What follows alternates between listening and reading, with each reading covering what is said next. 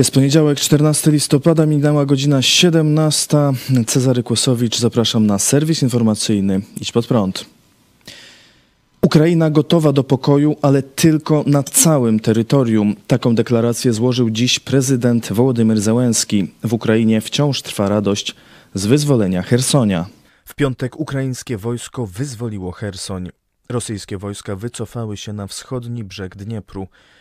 Mieszkańcy Hersonia radośnie witali ukraińskich żołnierzy. Rozmawialiśmy we wrześniu o tym, że Ukraińcy spróbują odzyskać Hersoń e, tak, żeby uniknąć walk e, w mieście i strat e, wśród ludności cywilnej. W związku z tym otaczali Hersoń, bombardowali wszystko, co było dookoła pozbawiali Rosjan tak naprawdę dostaw amunicji, dostaw y, też nowych żołnierzy, prawda, na front. Y, tak więc Rosjanie znaleźli się w potrzasku i po to, żeby uniknąć kompromitującej klęski w mieście, bo wojsko, mm, które jest otoczone, które nie ma możliwości uzupełniania amunicji, jest de facto bezbronne.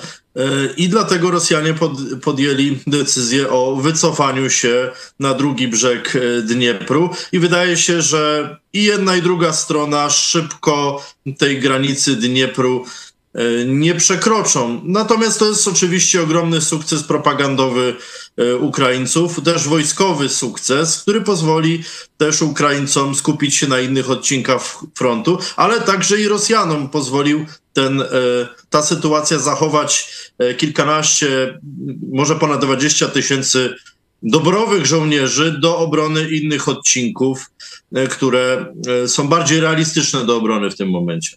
Prezydent Ukrainy Wołodymyr Załęski odwiedził dziś wyzwolony Hersoń.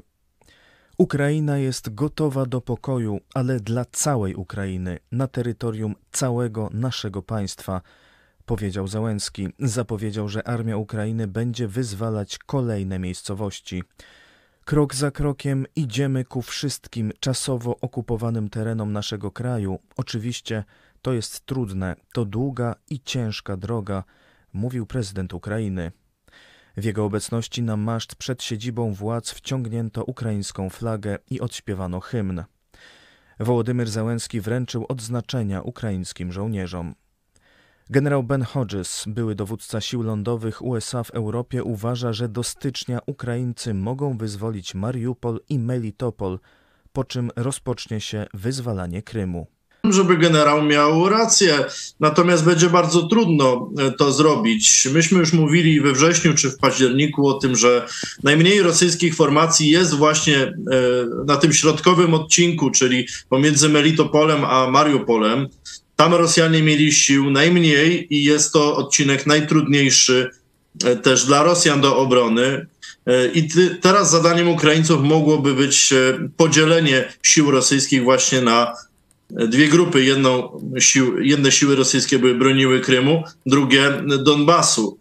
Tak więc podejrzewam, że ten kierunek natarcia właśnie teraz będzie uskuteczniany. Czy ten terminarz, który generał Hodges podał, jest realistyczny? To zależy też od posiłków, które Rosjanie ewentualnie będą w stanie ściągnąć i od fortyfikacji, które przygotują na tym obszarze. Wydaje się, że obszar Melitopola, a Melitopol jest dwa razy mniejszy od Lublina, więc to miasto nie będzie w stanie być taką dużą fortecą E, dla Rosjan e, i też zasięg rakiet HIMARS e, tak naprawdę będzie tutaj pokrywał całość tego terytorium, więc Rosjanom bardzo trudno będzie utrzymać ten środkowy odcinek. Podczas gdy ten odcinek koło Dniepru przy wejściu do Krymu jest bardzo dobrze ufortyfikowany i bardzo trudno Ukraińcom będzie się tam przebić. Ukraińskie media podają, że siły zbrojne Ukrainy wykonały udany desant na półwysep Kiburn, czyli na lewą stronę ujścia Dniepru. Ukraińcy mieli wyzwolić kilka miejscowości i planują stamtąd dalej rozwijać ofensywę na wschodnim brzegu Dniepru. Według brytyjskiego dziennika Daily Mail Władimir Putin miał otrzymać od Zachodu warunki kapitulacji. Ma to być oddanie całego zajętego terytorium z wyjątkiem Krymu – Krym miałby zostać strefą zdemilitaryzowaną. Ja uważam, że jeśli upubliczniono te propozycje, to znaczy, że Rosjanie na to się po prostu nie zgodzili. I teraz upubliczniono to celowo, żeby Rosjan zdenerwować, że de facto te warunki katastrofalne dla Rosji przecież są upublicznione po to, żeby skłócić teraz rosyjskie elity, bo wiemy teraz, że nawet w rosyjskich mediach czy w social mediach głównego nurtu pojawiają się spory w zakresie no, interpretacji tego, jak sobie Rosja radzi. Widzieliśmy Władimira Putina na tej dosyć kompromitującej konferencji prasowej, gdzie nie chciał odpowiadać na pytania dziennikarzy. Teraz odwołał swój udział w szczycie G20. Także Rosja jest ewidentnie w defensywie i e, pokazanie jej warunków porozumienia, które de facto nazwano jeszcze kapitulacją, zdaje się, e, to e, no jest po prostu uderzenie w twarz prezydenta Rosji osobiście, e, podejrzewam. Co do samych warunków, e, one dla Ukraińców są dosyć dobre, natomiast nie spodziewałbym się, że Rosjanie po prostu się wycofają z tych terytoriów. Trzeba będzie ich stamtąd usunąć siłą.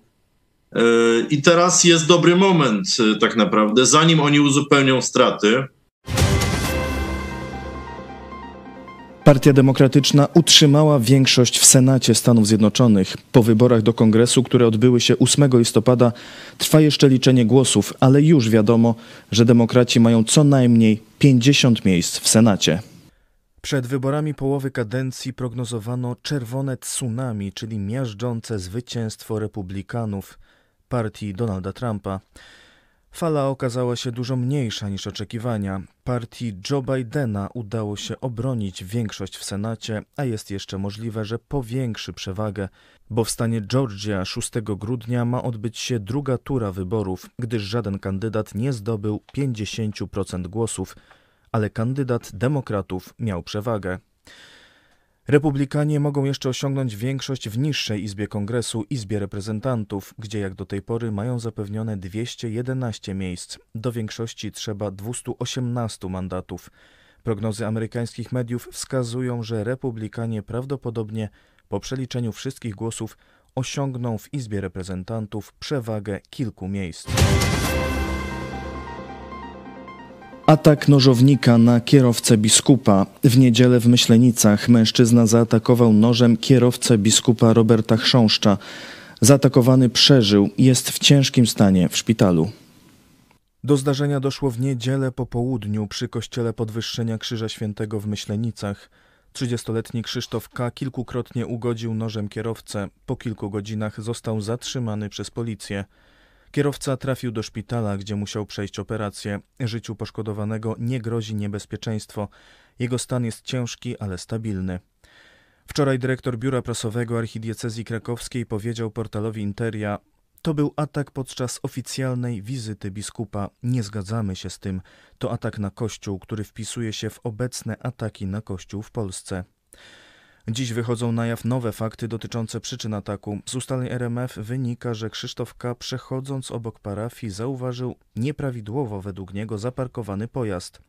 Ocenił, że samochód blokuje przejście i wdał się w kłótnię z kierowcą. W trakcie sprzeczki wyciągnął nóż i ugodził kierowcę biskupa. Wstępne ustalenia wskazują, że napastnik nie wiedział, kim jest ofiara. Atakujący był pod wpływem alkoholu. Natomiast informator Interi, który zna napastnika, twierdzi, że od dawna negatywnie wypowiadał się on o kościele katolickim, wykorzystywaniu dzieci, bogactwie i zakłamaniu kleru. Zamach bombowy w Turcji. W niedzielę po południu w centrum Stambułu wybuchła bomba. Eksplozja miała miejsce w pobliżu zatłoczonego placu Taksim. Zginęło co najmniej sześć osób, a ponad 80 zostało rannych. Władze tureckie od razu oskarżyły o zamach Kurdów z partii pracujących Kurdystanu. Wiceprezydent Turcji Fuat Oktay podał wczoraj wieczorem, że był to atak przeprowadzony przez kobietę samobójczynię. Jednak później minister spraw wewnętrznych Turcji Sulejman Soylu przekazał, że osoba, która podłożyła bombę, została zatrzymana.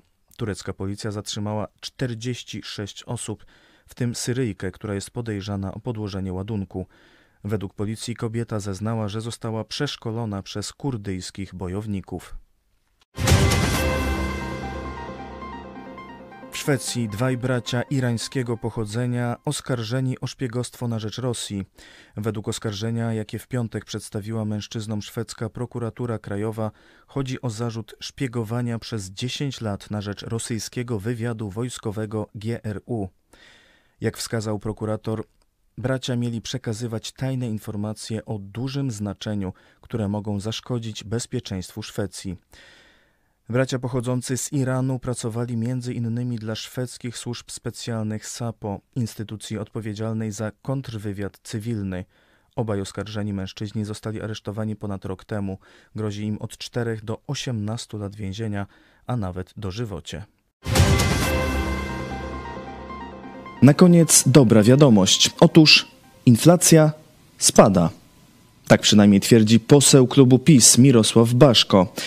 Inflacja widzimy, że spada, ceny jednak spadają, mówił członek Partii Republikańskiej dziennikarzom w Sejmie. Pytany, które ceny konkretnie spadają, odpowiedział reporterce Gazety Wyborczej. Pamięta pani, jak pandemia nastała, to pietruszka kosztowała 25 zł, a teraz kosztuje 8 zł. I z tą optymistyczną wiadomością zostawiam Państwa do godziny 18, a o 18 niezwykła historia Małgorzaty i Jerzego Dajuków. Byłam organistką w katedrze w Oliwie, a nie znałam Boga. Dziękuję Państwu za uwagę i zapraszam na kolejny serwis jutro o 17. Do zobaczenia.